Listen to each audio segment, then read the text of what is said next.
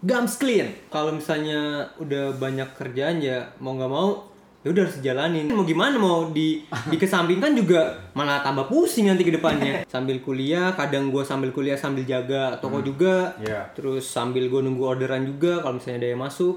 Ah, karena lu bagian daripada otak, bagaimana pesan lu buat teman-teman kita yang ada di rumah yang sebetulnya dia pengen lanjut kuliah atau pengen lanjut studi tapi nggak punya biaya. Waktu itu yang gua cari adalah gue cari info tentang beasiswa dulu. Gue tuh gengsi. Arti em, mungkin ini proses Tuhan dalam hidup gue. Iya. Kayak yang bisa menghancurkan gengsi gue. Emang lu anak metal? Kalau anak metal sih enggak ya. Gue dari SMP, gue sama temen-temen tuh emang eh, suka yang ibaratnya kepang. Seorang gama yang kalem, yang humble. Ternyata seleranya metal-metal juga. Genre metal ini kadang dianggap sebelah mata bang. iya, itu kenapa tuh sejarahnya tuh?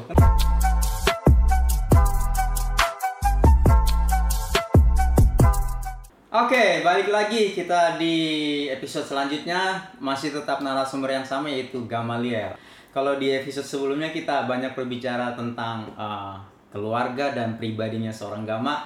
Nah, kali ini kita mau kulik lebih dalam soal pekerjaan dia sehari-hari dan juga tentang kuliahnya. Secara kan kita anak-anak muda, siapa tahu nanti teman-teman di rumah juga dapat input dari apa jawaban seorang Gama. Oke, Gam. Seorang ada. Oke, Gam. Uh, ya gimana bang? gua gua mau lebih tahu nih. Uh, gue jujur aja, gue kenal lu udah lama, tapi gue belum tahu sebenarnya alamat rumah lo. Katanya di rumah tuh ada usaha. Mm-mm. Usaha apa sih? Eh, kalau di rumah itu itu usaha nyokap bokap tuh kayak ya usaha warung sembako gitu gitu. Warung Kayak- sembako. Iya, jadi kayak Gua jadi- kebutuhan waktu lo pokok. bilang sembako, gue jadi inget loh. Dulu awal-awal gue merantau, itu kerjaan gue jualan bukan jualan jaga, tok, jaga toko sembako kayak beras. Hmm. Bayangin gue dari kampung jualan beras, jualan minyak minyak goreng gitu-gitu. Jadi berarti di rumah seperti itu. Betul banget gue kayak gitu sekarang. Tapi kok namanya ada gamasel apa? Gak masalah ya. Iya. Itu yang ngasih nama sih kayak nyokap gue, Nyokap- bokap gue gitu. Gak masalah aja lah daripada bingung. Ber- Nah. Cuman sembako doang atau ada yang lain? Eh, ada yang lain. Jadi Kan kalau gamasel berarti kan ada hubungan sama kayak handphone, pulsa gitu-gitu ya? jadi selain sembako ada juga eh, listrik, pulsa Listrik, oh, gitu. token gitu-gitu ya? token, eh, Berarti di rumah banyak galon, gas gitu-gitu. banyak. Iya, Jadi lu bantu-bantu lah sehari-hari. bantu bantu. Ya? Bantu-bantu. Ber- berarti di selain lo bantu nyokap orang tua lo usaha itu, terus lu sekarang udah ada tambahan eh, apa nama usaha lo? Gums clean. Wis, nggak jauh-jauh namanya ya. Gama bingung. Sel. Terus kalau untuk sembakonya toko gama atau apa? Iya toko gama. Jauh-jauh. Siapa lagi namanya anaknya itu namanya doang? anak tunggal. Berarti penerus tahta dari dari usaha keluarga adalah gama seorang diri. Wah luar biasa lu nanti jangan-jangan jadi idola semua cewek-cewek. Nggak, bang, bang.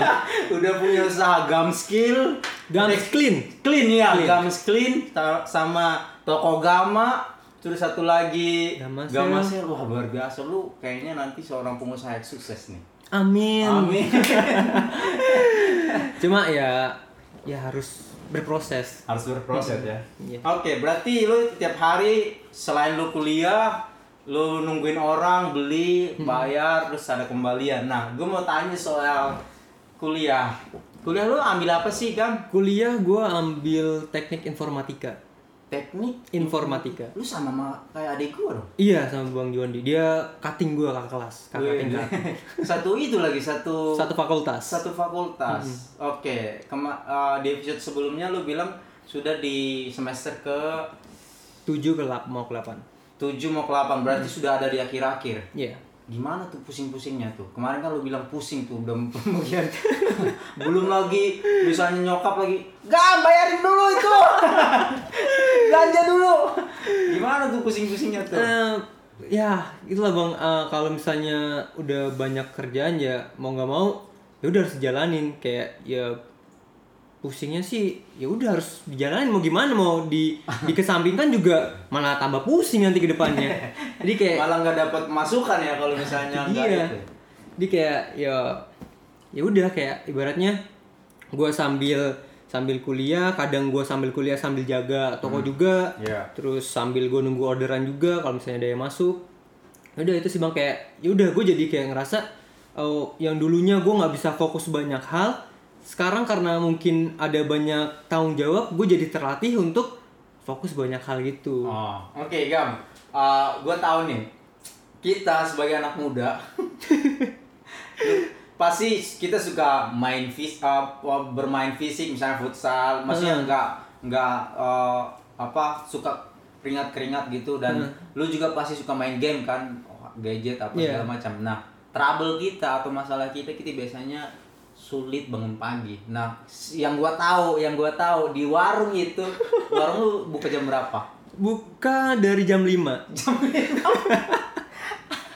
itu itu pergumulan banget buat kita anak muda bangun pasti jam pasti banget jam 5 nah karena lu mesti buka kan nah gue mau ta gue mau tahu itu lu latihnya itu dari kapan lu bisa sampai lu berarti rutin dong bangun Rutin. pagi Iya, dari ya gue langsung dibangun kayak ayo Gama bangun udah jam 5 Nyokap gue kayak gitu tapi gue oh iya gue bangun. Gak Bangun. harus disiram segala tuh enggak. Iya. Lu ngelatih itu dari umur berapa tuh? Itu- sampai, sampai lu sekarang ya harusnya udah otomatis deh karena udah terbiasa ya. Itu sebenarnya baru-baru Baru-baru ya, ini lagi 2020, 2020 kemarin. Oh, gitu. Iya, karena itu gara-gara kan waktu biasanya kan kalau nyokap tuh kan pagi kan eh, kayak jual nasi uduk terus terus Nyokap juga jualan nasi uduk. Ya, eh, itu nyokap gue udah the best banget udah kayak best banget. Wonder Woman banget lah. Luar biasa. Apa-apa dikerjain. Wonder Woman banget ya. kadang nih bang kayak sebenarnya apa ya gue pengennya tuh bantu nyokap Iya. tapi ya gimana ya gue juga capek nggak sih nggak nggak ya kita anak muda pengen Iya. pengen have fun. Have fun. gitu. Tapi nyokap nyokap tuh bangun dari jam 3 nyiapin Iya. segala macem terus akhirnya ya karena apa ya gue ngeliat kayak wah gue nggak bisa diem Hmm, eh apa karena nggak bisa diem ya maksudnya nggak bisa lihat Mm-mm. nyokap nyokap berjuang kerja keras segala macem akhirnya yaudah gue untuk putuskan kayak malamnya gue kayak siapin dagangan untuk besok Hmm. untuk kayak ya jual-jualan kayak gitu jadi ya udah gue akhirnya eh, terbiasa tuh gara-gara balik lagi tadi gara-gara yang bantu nyokap itu udah apa ya resign bahasanya udah nggak bantu lagi Hmm, maksudnya? Ini kan waktu itu kan biasanya ada yang bantu nyokap kayak ada pegawai lah istilahnya Oh, oh, tadinya ada, Ada yang bantu-bantu, Mm-mm. tapi sekarang nggak sekarang ada. udah nggak ada Jadinya kalau Jadi ke- bebannya lebih banyak ke lu, bantu, harus bantu. Mm-mm. Oh jadi jualan nasi uduk juga? Iya, itu udah lama. itu udah lama kalau nasi uduk Udah. Oh, jadi lu makan nasi uduk dong tiap hari? ya iya mau nggak mau ya bosan gitu Oke, balik lagi ke soal pekerjaan dan kesibukan lo sehari-hari. Eh, itu lu buka Gams Clean itu sendiri atau lu joinan atau? Eh, awalnya gue ini sendiri Sendiri. Terus akhirnya eh, Lu joinan sama doi atau lu sendiri sih?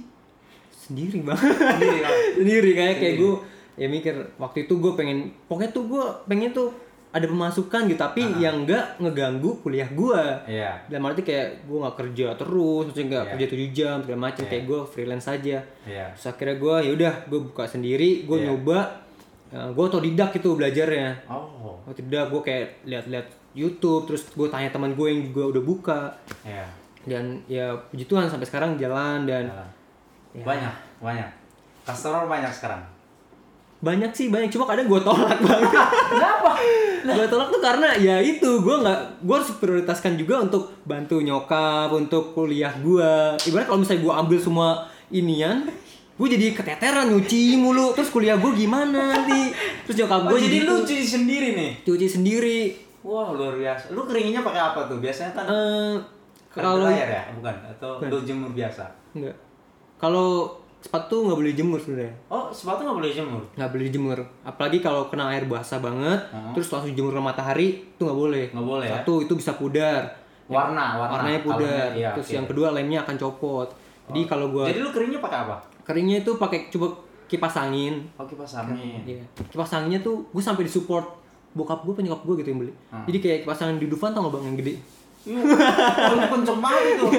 tapi nggak gede-gede banget sih ya sedangnya lah seminya Iya. gue beliin itu kayak ya udahlah buat tuh keringin terus kalau misalnya memang ada yang cepet express gitu gue pakai hair dryer Nah ini teman-teman next gen nih harus harusnya pakai gums clean.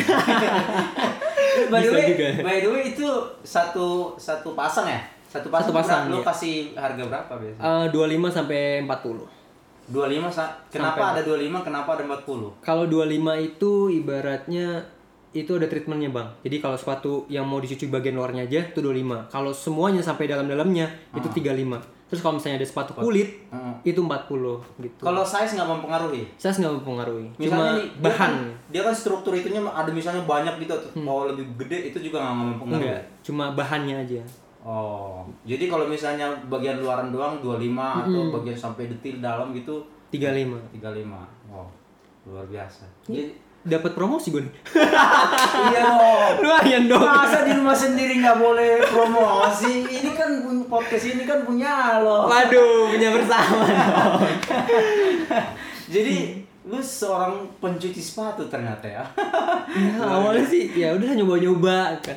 Tapi Iseng-iseng doang sih sebenarnya bang. Gue nggak kayak selalu fokus ke situ cuma iseng-iseng. Cuma kalau misalnya difokusin ya gue pasti kayak pengennya sih ya. Loh, siapa tahu nanti itu bu ya menurut gue ya semua pekerjaan jenis apa pun nggak ada yang hina. Even kita cuma nyuci sepatu kan kita berusaha Iya. gitu loh. Maksud gue jangan sampai juga kita punya teman-teman di rumah juga jangan sampai punya pemikiran oh wah nyuci sepatu kayaknya hina banget. Enggak lah.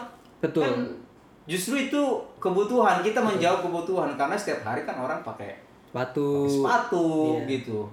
Nah, lu juga jangan sampai oh ya tadi lu berangkat dari iseng. Mm-mm. Dari iseng akhirnya kan bisa jadi pendapatan dong. Iya pendapatan. Nah, lu cuannya banyak dong sekarang. ya nggak banyak juga gue bagi balikin modal dulu ke nyokap. oh, oh, oh, support awal tetap dari nyokap ya. Tapi nyokap karena ya apa ya?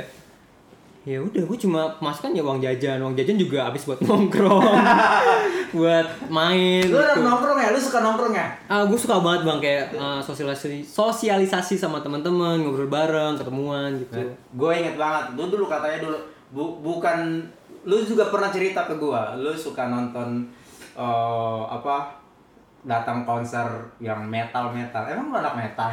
Eh, kalau anak metal sih enggak ya Tapi lu demen atau atau gimana? Kenapa? oh gue suka banget gue dari SMP gue sama temen-temen tuh emang eh, suka yang ibaratnya kepang Oh. itu yang ngebuat kayak lagu popang lagu metal itu ngebuat gue semangat, ngebuat Semangat gue ya? kayak energik yang Iya. kayak udah gue suka aja nih keren banget Sampai lagunya." sekarang lu masih sampai sekarang Jadi berarti genrenya gereja nggak mempengaruhi lah.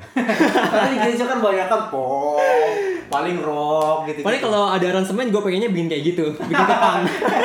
Sampai bang kemarin eh, ada tuh ya eh, Christmasnya Christopher Tapeheru, dia tuh bener-bener kayak kumpulan anak pang Iya. yang itu lagunya itu Natalannya gitu semua. Aransemennya dibuat ke sana. Iya, ya udah gue langsung ikut dong.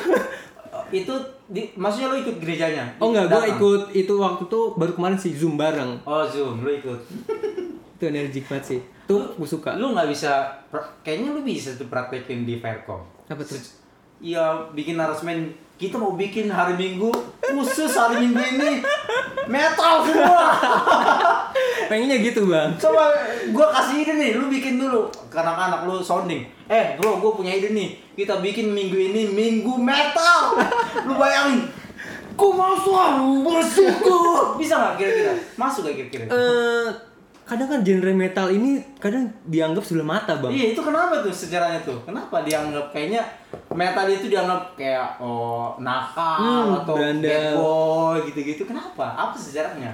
gue juga mungkin berawal dari punk itu kan sebuah apa ya terbentuknya gue pernah baca terbentuknya sebuah punk segala macam itu dia orangnya maksudnya tuh apa tuh kayak eh, dia terbentuk gara-gara dia tuh melakukan perlawanan Oh, oh pemberontakan berarti dong. segala lagu isi isi narasi lagu itu pemberontakannya maksudnya kayak dalam hal ke lebih ke pemerintah pemerintah maksudnya kayak eh, yang nggak baik lah Hmm, Oke, M- oh, anak-anak ini oh, pengen menyuarakan isi hatinya kepada pemerintah Ke yang yang ketinggi-tinggi negatif. lah. Iya, pejabat lah gitu. Mm. Hmm.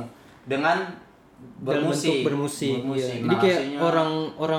Anak-anak pang atau anak metal tuh kayak dikira beranda segala macam cuma ya Padahal maksud dia ya, baik tujuannya baik. Tujuan dia cuma mengkritisi gitu. iya ya. karena dia do misalnya contoh Ah. eh, gua yang orang biasa nggak berani ngomong sesuatu ke petinggi-petinggi segala macam Iya. tapi orang-orang yang kayak anak pang ini berani dia Iya, iya. Iya, Tapi menurut kayak gitu. bentuknya lewat musik. Lihat musik cuma yang jeleknya mereka ya mungkin ya mungkin Iya. kayak ya mungkin kultur juga sih kayak mungkin lebih ke jalanan jadinya ya gitu maksudnya kayak kurang kurang apa ya Kurang sopan Heeh. gitu ya. Tapi lu sampai sejauh sedalam itu nggak ternyata atau lu cuma demen aja lu sampai ada komunitas nggak?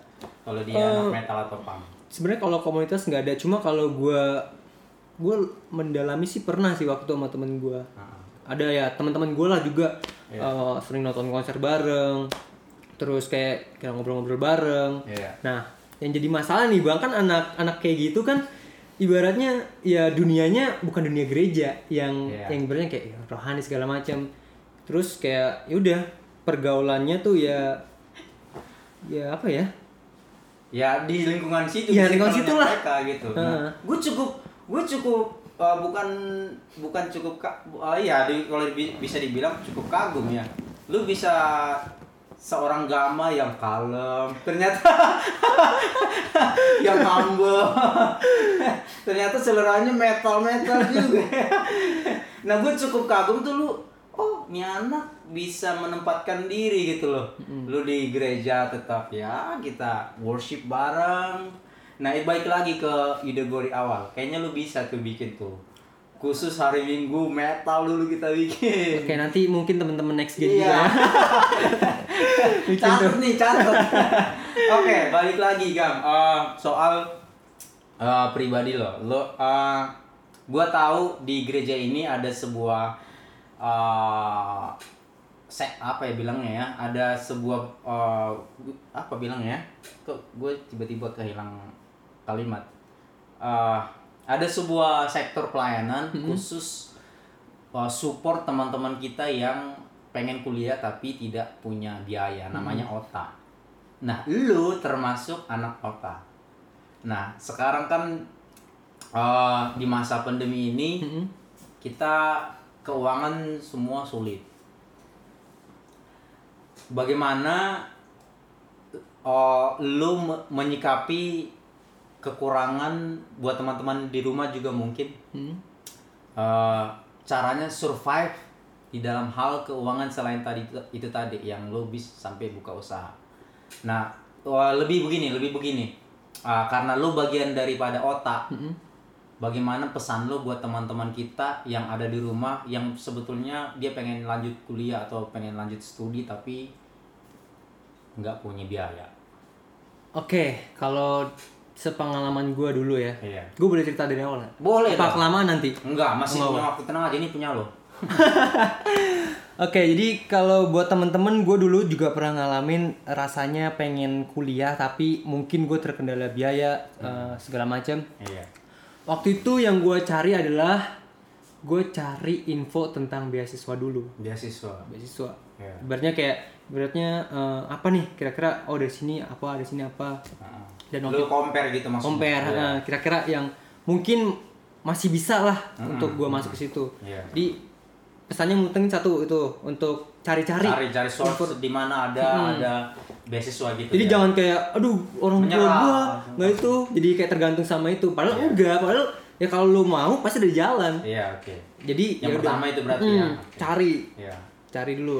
Terus eh, waktu itu gue cari akhirnya eh yang Adi, nomor yang Adi eh, kasih tahu gue kayak Siapa? yang Adi, Adi Almarhum. Iya, almarhum Oh Adi. oke oke. Iya Pak Adi. eh, iya. Pak Adi eh, kasih tahu ke gue kayak Oh oh manggilnya Eyang. iya kan dia yang gue bang. Oh. Masih ada hubungan keluarga. Eh masih. Oke oke lanjut lanjut. Mereka Eh, lewat yang Adi. Oh, yang Adi terus akhirnya nih coba ke ini gam Eh, apa? Eh, di gereja ada nih buka otak. Pertama bang jujur ya, Mm. gue tuh gengsi, nggak bisa gue pungkirin dong, gue anak muda men. gue gengsi kayak, aduh, apalagi sebaya gue waktu masih SMA kan baru-baru pengen lulus. Iya. Kayak, ya gue gengsi terus. Arti, eh, mungkin ini proses Tuhan dalam hidup gue, Iya. kayak yang bisa menghancurkan gengsi gue. Iya. terus akhirnya eh, yaudah gue ikut ikut segala macem pertama gue ngiranya ini tuh masuknya gampang Hmm. masuk kayak yaudah masuk gampang tinggal kuliah enggak ternyata lu harus ikut tes dulu lu harus eh, pokoknya ada syarat-syaratnya deh gitu Iya, oke. saya kira eh, gue ikut tes itu di di Jakarta lah dan Iya. itu ternyata tesnya itu eh, banyak juga dari pulau luar pulau Jawa kayak Oh, ikut bukan juga. cuma lu doang. Mm-mm. Mm-mm. Enggak. Dan pas gue ikut tesnya, waduh, gue tataran anak SMK ngerjain soal SMA ya kan kayak Nah. ibaratnya, waduh apaan nih? Terus yaudah akhirnya gue gue kerjain gue kerjain gue kerjain teman-teman gue yang lain udah pada selesai gue belum sendiri waktu itu kalamria bilang kayak gini gam cepetan gitu kan kayak ya, tar dulu kak tar dulu gue kayak ah yaudahlah akhirnya itu terus gue waduh gue bingung dong waduh ini bakal bisa tembus gak nih Tembus nggak ya gitu. yang kedua pesannya adalah berserah sama Tuhan. Berserah. Yang pertama tadi cari. Cari kita usaha. Iya, Kalau berusaha, usaha. Kemudian has- yang hasilnya Yang kedua jangan gengsi berarti. yang gengsi, jangan gengsi, bener banget. Ngikutin gengsi, ah habis semuanya. yang Yang gengsi, ketiga baru usaha. yang tiga berdoa dan Berdoa, berserah. berserah. Ya, Wah, itu kayak, aduh Tuhan Yesus gimana ya kalau misalnya gue nggak masuk, gue tambah nyusahin orang tua gue, ibaratnya kayak Iya. sedih lah segala macam. Akhirnya, udah gue berdoa, apa pun hasilnya, Tuhan Yesus tetap baik dan pengumuman tes akhirnya, pengumuman tes akhirnya dan dan puji Tuhan, gue masuk, Masuk dan sampai sekarang sudah ada di semester akhir-akhir. semester akhir-akhir. Luar biasa. Dan di situ tuh kayak beratnya dari situ bang awalnya gue gengsi untuk ngikut kayak ah dikira gue kayak orang nggak mampu, Hmm. tapi justru Tuhan proses gue di situ lebih keras lagi. Lebih keras lagi, luar biasa. Gue kayak bersyukur gue bisa eh, ibaratnya ngelawan gengsi gue ya, ngelawan gengsi gue. Ternyata Tuhan Yesus tuh mau gue berkembang. Waktu gue di Infonation di otak, gue diajarin untuk lo harus bangun pagi, Punya tanggung, punya tanggung jawab. tanggung jawab IPK lo harus segini, Iya betul iya. terus kayak gue akhirnya jadi kayak gue senang tuh gini bang waktu itu gue diajak uh, ada pelatihan gitu di di di Tangerang Ah. kayak gue udah naik kereta ke Wajib sana itu ya? wajib Ah. dan dari pelatihan itu kayak gue ngerasa gue di upgrade sampai-sampai waktu itu ada seminar meeting gitu Hmm. bareng gue diajak kayak awalnya uh, gue kira seminar biasa pas gue datang ternyata sama orang-orang yang, yang di Australia kan kayak Nah, ini keren banget. Pas gue ikut bahasa Inggris semua. Bahasa Inggris semua dan dari situ kayak wah gue juga harus belajar ini. Jadi kayak gue harus prosesnya Tuhan ya lu ini gam ini gam dibukain dari situ banyak Artinya artinya lu dapat sesuatu lah ya. Dapat sesuatu. Pro- Berproses lah ya. proses. Oke. Oke. Teman-teman, itu obrolan kita atau suara dari seorang Gama nanti kita akan lanjutkan di episode selanjutnya kita mau kulik-kulik lagi soal Gamalia. Sampai jumpa di episode selanjutnya.